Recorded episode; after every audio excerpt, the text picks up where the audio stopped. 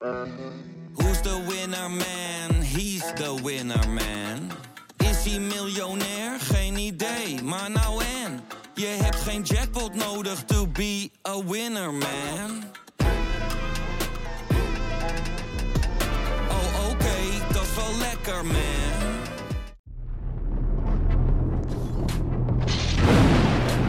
Goedemorgen Dave. Goedemorgen, zitten we weer. Ja, welkom in de nieuwe VZSM van eh, dinsdag 27 september. Een dag nadat Vitesse aankondigt dat uh, Philip Cocu terugkeert in Arnhem. Ja, Philip Cocu uh, terug op het oude nest. Uh, terug weer bij een Nederlandse club. Natuurlijk naam gemaakt bij PSV met, met drie landstitels. Toch altijd een beetje het imago van saai voetbal. Misschien ook een klein beetje een saaie man. En daarna is hij naar Venerbahce vertrokken en een Derby County. En dat is allemaal iets minder succesvol uh, afgelopen. Dus ik ben, ik ben benieuwd. Uh, ja, hij is natuurlijk uh, hij is uit op eerherstel. En Vitesse zit natuurlijk ook een beetje in een gekke situatie. ik geloof dat Letch ook niet helemaal tevreden was met hoe hij daar op dit moment mm -hmm. kon werken. Dus ja, ik ben erg benieuwd of hij Vitesse weer aan de praat krijgt. Ja, in hoeverre ben jij verrast met de terugkeer van uh, Cocu? Want je noemt al, Letch gaat naar Bochum. Uh, een trainer die niet echt te vergelijken is uh, met Cocu natuurlijk. Ja, hoe kijk jij daar naar? Ja, het is natuurlijk ja, een, een, grote naam voor Vitesse, dat wel. Dus ik denk dat ze op basis daarvan heel tevreden zijn. Maar ja, als je kijkt naar de resultaten die hij bij, bij zijn laatste twee clubs heeft behaald... dan, dan denk je natuurlijk, denken de mensen in Arnhem niet van we gaan er weer tegenaan. Nee, waarbij je wel moet stellen dat werken in uh, de Turkse top uh, niet eenvoudig is. En dat hij bij Derby County had ook wel een lastige opgave om uh, te promoveren. Wat, wat natuurlijk een lastige situatie is, omdat nou ja, ja. veel clubs daar natuurlijk in, in meestrijden. Um, in Eindhoven was hij uiterst succesvol. En nu keert hij terug in Arnhem. Voor hem ook vertrouwd terrein, net als Eindhoven vertrouwd terrein is. In hoeverre verwacht je dat dat mee gaat spelen? Nou, dat, dat, dat kan natuurlijk wel helpen. Hij heeft er al gewoond. Ik ben hem vroeger als kind een keer uh, tegengekomen in de Chinees uh, in Arnhem. Dus uh, ik, weet, ik, weet, dat hij er nog wel eens, nog wel eens kwam ook. Um, maar ja, hij heeft een, hij heeft een redelijk lekker programma wel tot de winterstop. Dus dat is wel prettig. Hij begint geloof ik dit weekend met FC Twente. Zit hij dan op de bank? Ik geloof het wel, ja. En dan Cambuur, Emmen, Sparta en Go Ahead Eagles zitten ertussen. Ajax zit er geloof ik ook dus nog tussen. alles om een vliegende start uh, te bewerkstelligen. Ja, als uh, Oranje naar het, uh, naar het WK gaat, kan hij zeg maar al heerlijk in Arnhem zitten met het idee van ik heb de boel op de rit. Dus ja, het is, wel, het is wel een heerlijk programma om, om, om meteen even vertrouwen te wekken en het niet altijd even enthousiaste Arnhemse publiek een beetje aan te zwengelen. Ja, precies. Het is er overigens ook de, vandaag de dag dat uh, advocaat 75 is. En Martijn die spreekt hem natuurlijk voor VI Pro. Daar staat een heel groot verhaal. Um, laten we daar eens een klein stukje uithalen, Dave. Want we gaan niet alles weggeven, want het is echt een, een must-read. Wat dat betreft, um, hij heeft spijt bij zijn tijdse periode bij Feyenoord... dat hij de kamers van Disney heeft toegelaten. We hebben allebei die docu natuurlijk gezien. Kan jij je voorstellen dat hij daar achteraf spijt van heeft? Dat snap ik wel, ja. Hij gaf wel duidelijk aan van dat wel met uh, dat de club geld nodig had. Dus hij heeft het uh, voor ja, de club gedaan, hè? Voor de club gedaan. Maar het kan wel zo'n documentaire. Ja, ze zoeken natuurlijk. Ja, ik ben journalist, jij bent journalist. Je zoekt uiteindelijk wel een soort invalshoek. En het kan ook een soort karaktermoord zijn. Hij had een beetje de status van ouderwetse trainer. En daar hebben ze bij sommige dingen dan ook een beetje op ingezoomd. Ik kan me nog een moment met Koen Stam herinneren die een presentatie wilde geven. En dat hij daar dan een beetje niet super uh, enthousiast op reageerde op alle vernieuwingen. Ja. En ik geloof een moment met Cor Pot die beelden van die Argentijnse spits ging kijken. Ja. Waarbij het uh, scoutingsbeleid een beetje leek. Wat natuurlijk niet zo is, want ze hebben hem heus wel verder uitgezocht. maar dat Cor Pot alleen zei van uh, hij kan een strafschop nemen. Dus ik, ik snap wel dat je daar spijt van hebt. Ja, want jij zegt karaktermoord, hè? En uh, hij gaf zelf in het interview ook aan van ja, op het moment dat die camera dus aanstond, was hij zichzelf niet. Nou, dat is natuurlijk sowieso naar een groep toe, is dat, is dat dodelijk. Maar ook als je een nou ja, soort andere houding aangaat uh, nemen, laat maar zeggen, ja, dan, dan ja, komt het al, denk ik al gauw gekunsteld over. Dat voelt een groep natuurlijk ook uh, meteen. Als je eerst een trainer hebt die, die zich heel anders gedraagt en met een camera in de kleedkamer, dan ja, je hebt soms ook het gevoel waarschijnlijk dat je iets moet doen, iets, uh, iets moet uh, forceren. Ja. Dat je anders een beetje lijkt alsof je een trainer bent die, die, ja, die, die, die, er, ja, hoe moet ik het zeggen, die er een beetje lak aan heeft. Of in ieder geval, je wil soms voor die camera dan ook laten zien van ik ben er denk ik echt mee bezig. Dus ik denk dat iedereen heel anders gaat doen als die Ja. camera continu je overal volgt en op je lip zit. Ja, en als je dan vanuit dat perspectief bekijkt, dan, eh, kijk, ik, ik heb die docu op dat moment gewoon bekeken van, nou, dan zie je gewoon de situatie aan, je eh, gevoel in de kleedkamer, hoe die spelers met elkaar omgaan, hoe die met zijn staf omgaat. Maar toch, als je naar zijn carrière kijkt, echt een waanzinnige carrière. En dan doet het toch wel een soort van zin dat je denkt van ja, dat je, dat je dan een trainer ziet zoals die eigenlijk niet is. Dus dat je niet de ware advocaat hebt gezien. Voor hem is dat natuurlijk vervelend, maar wij zouden ook graag ja, de echte advocaat willen zien. Ja, maar ik denk wel dat we allemaal eh, vooral eh, heel veel respect hebben voor Dick Advocaat. eh, geweldig sympathieke man, volgens mij ook. Ik heb hem nooit in het echt ontmoet, maar zo komt hij in ieder geval... Nou, tijdens de live shows hier was hij samen met Corpot. Was het echt, ze bleef ook lang hangen daarna. Is natuurlijk ook goed met, met Kees Jans, maar het waren wel hè, de oude mannen onderling natuurlijk. Maar het was wel een onwijs gezellige middag. Ja, en het, het interview met Martijn is ook vooral... Dick Advocaat heeft het niet over zichzelf, maar hij heeft het over de mensen die eh, belangrijk zijn geweest in zijn carrière. Dus hij Ja. heeft ook een heel stuk eh, dat dan over Cor Pot gaat. En dat ging er geloof ik over dat ze trainer werden in, eh, bij Zenit Sint-Petersburg. Cor Pot ging alvast in het vooruit, want Advocaat was nog bij Korea, als ik het goed heb. En die, ging, die ging met de jongens in Oostenrijk op pad. Die waren daar op trainingskamp. En de volgende dag, of die avond, belde advocaat Cor Pot op. En toen hoorde hij allemaal geluiden van glazen al op de achtergrond. En toen vroeg advocaat van wat ben je aan het doen? En toen zei Cor Pot, ja, ik sta hier met de, met de jongens in de kroeg. De, de boog kan niet altijd gespannen staan. Ja, en Dick Advocaat heeft dan ook een mooie zelfspot. Die zei natuurlijk, het stoom kwam uit mijn oren. Want die is natuurlijk super serieus. En eh, die werd woest op, eh op Cor Pot.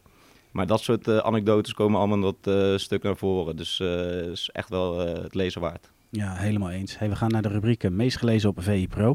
En dan pakken we de video met Simon Zwartkruis na de wedstrijd eh, Nederland-België. En daarin geeft hij eigenlijk aan waarom ehm, een zeer matig oranje toch klaar is voor het WK.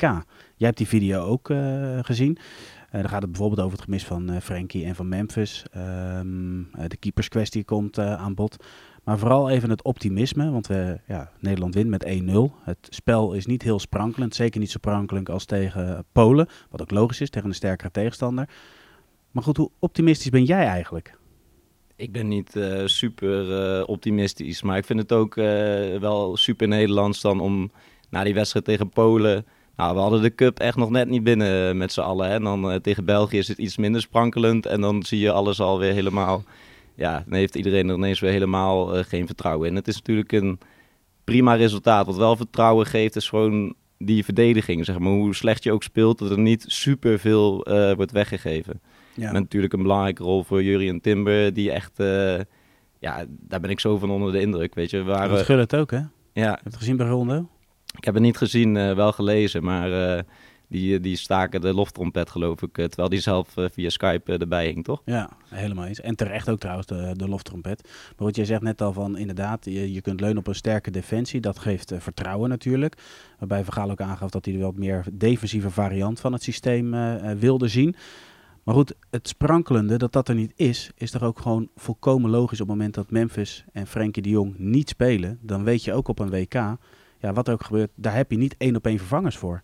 Ja, de, de drie belangrijkste spelers in iedere linie zijn in principe Van Dijk, Frenkie de Jong en, eh, en Memphis. Eh, bij ieder elftal waar je gewoon twee van die drie jongens eruit haalt, heb je natuurlijk een heel ander elftal. Ja. De hele muziek eh, is uit het elftal als, als Frenkie er natuurlijk niet is. En ja, weet je, ik had Memphis wel willen zien tegen, tegen die oude verdedigers van België. Die maken het, hem, die maken het, hun, maakt het hun natuurlijk een, een stuk moeilijker. Moet Ja. ik zeggen dat ook, ik zat eh, in het stadion eh, als, eh, als supporter met mijn vriendin. Ehm, maar ehm, ik vond uh, Ake, als je die aan het werk ziet, dat ben ik toch ook wel. Het is ook niet, ja, Van Gaal kiest ook voor hem boven de Vrij en, Ja, en, en Matthijs de Ligt. Maar die vind ik in de opbouw af en toe, dat is wel degene die af en toe indribbelt. En, en op die manier, zeg maar, stel, ja. nu was Frenkie er niet bij, maar stel Frenkie wordt super kort gedekt en alle ogen zijn op Frenkie, dan is hij wel degene die af en toe een klein beetje naar voren durft te dribbelen en zo wat probeert te forceren. Dus die Hij kan eigenlijk we- beter voetballen dan men eh, ja, verwacht van hem.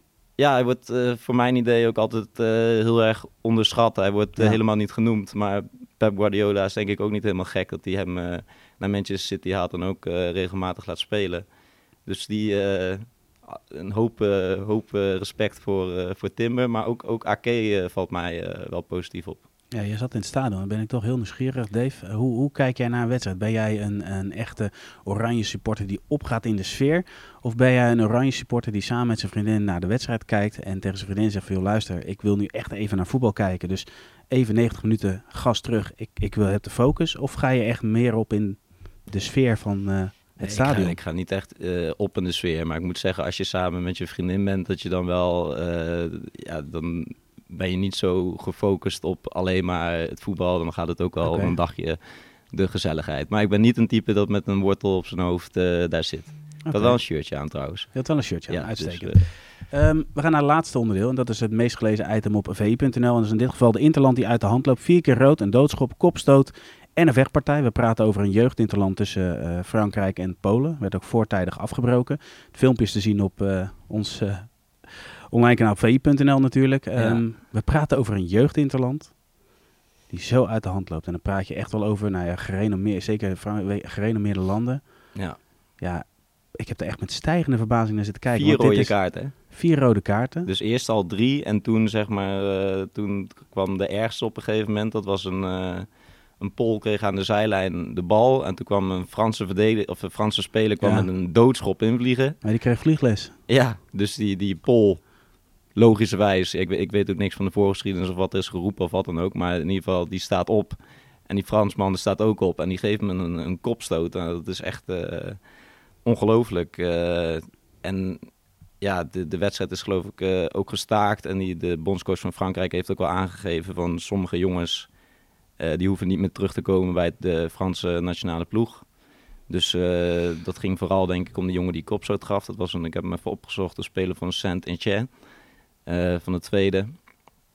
Maar ik denk dat dat nog wel een tijdje duurt voordat hij weer het uh, shirt van uh, Le Bleu gaat dragen. Ja, je wacht het ook niet hè, bij zo'n uh, wedstrijd. Je wacht dit, weet ik veel, in de lagere divisies, bij een beladen derby. Waarbij het niveau, laat maar zeggen, van het spel niet heel sprankelend is. Maar waarbij dit, laat maar zeggen, voor de hoogtepunten moet zorgen. Maar niet bij een jeugdinterland.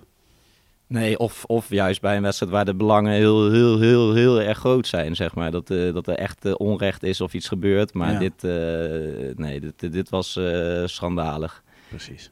Maar uh, ja, het, was, het waren wel spectaculaire beelden. Als in, er kwam ook nog een hele, heel opstootje daarna. Maar het een glory event. Ja, ja.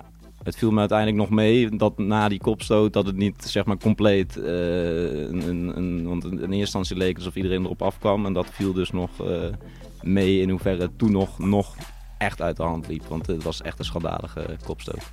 Helemaal mee eens. Dave, dankjewel voor jouw bijdrage in deze VZSM. En jongens, jullie bedankt voor het kijken en voor het luisteren. Morgen zijn we uiteraard terug met een nieuwe VZSM. Doei!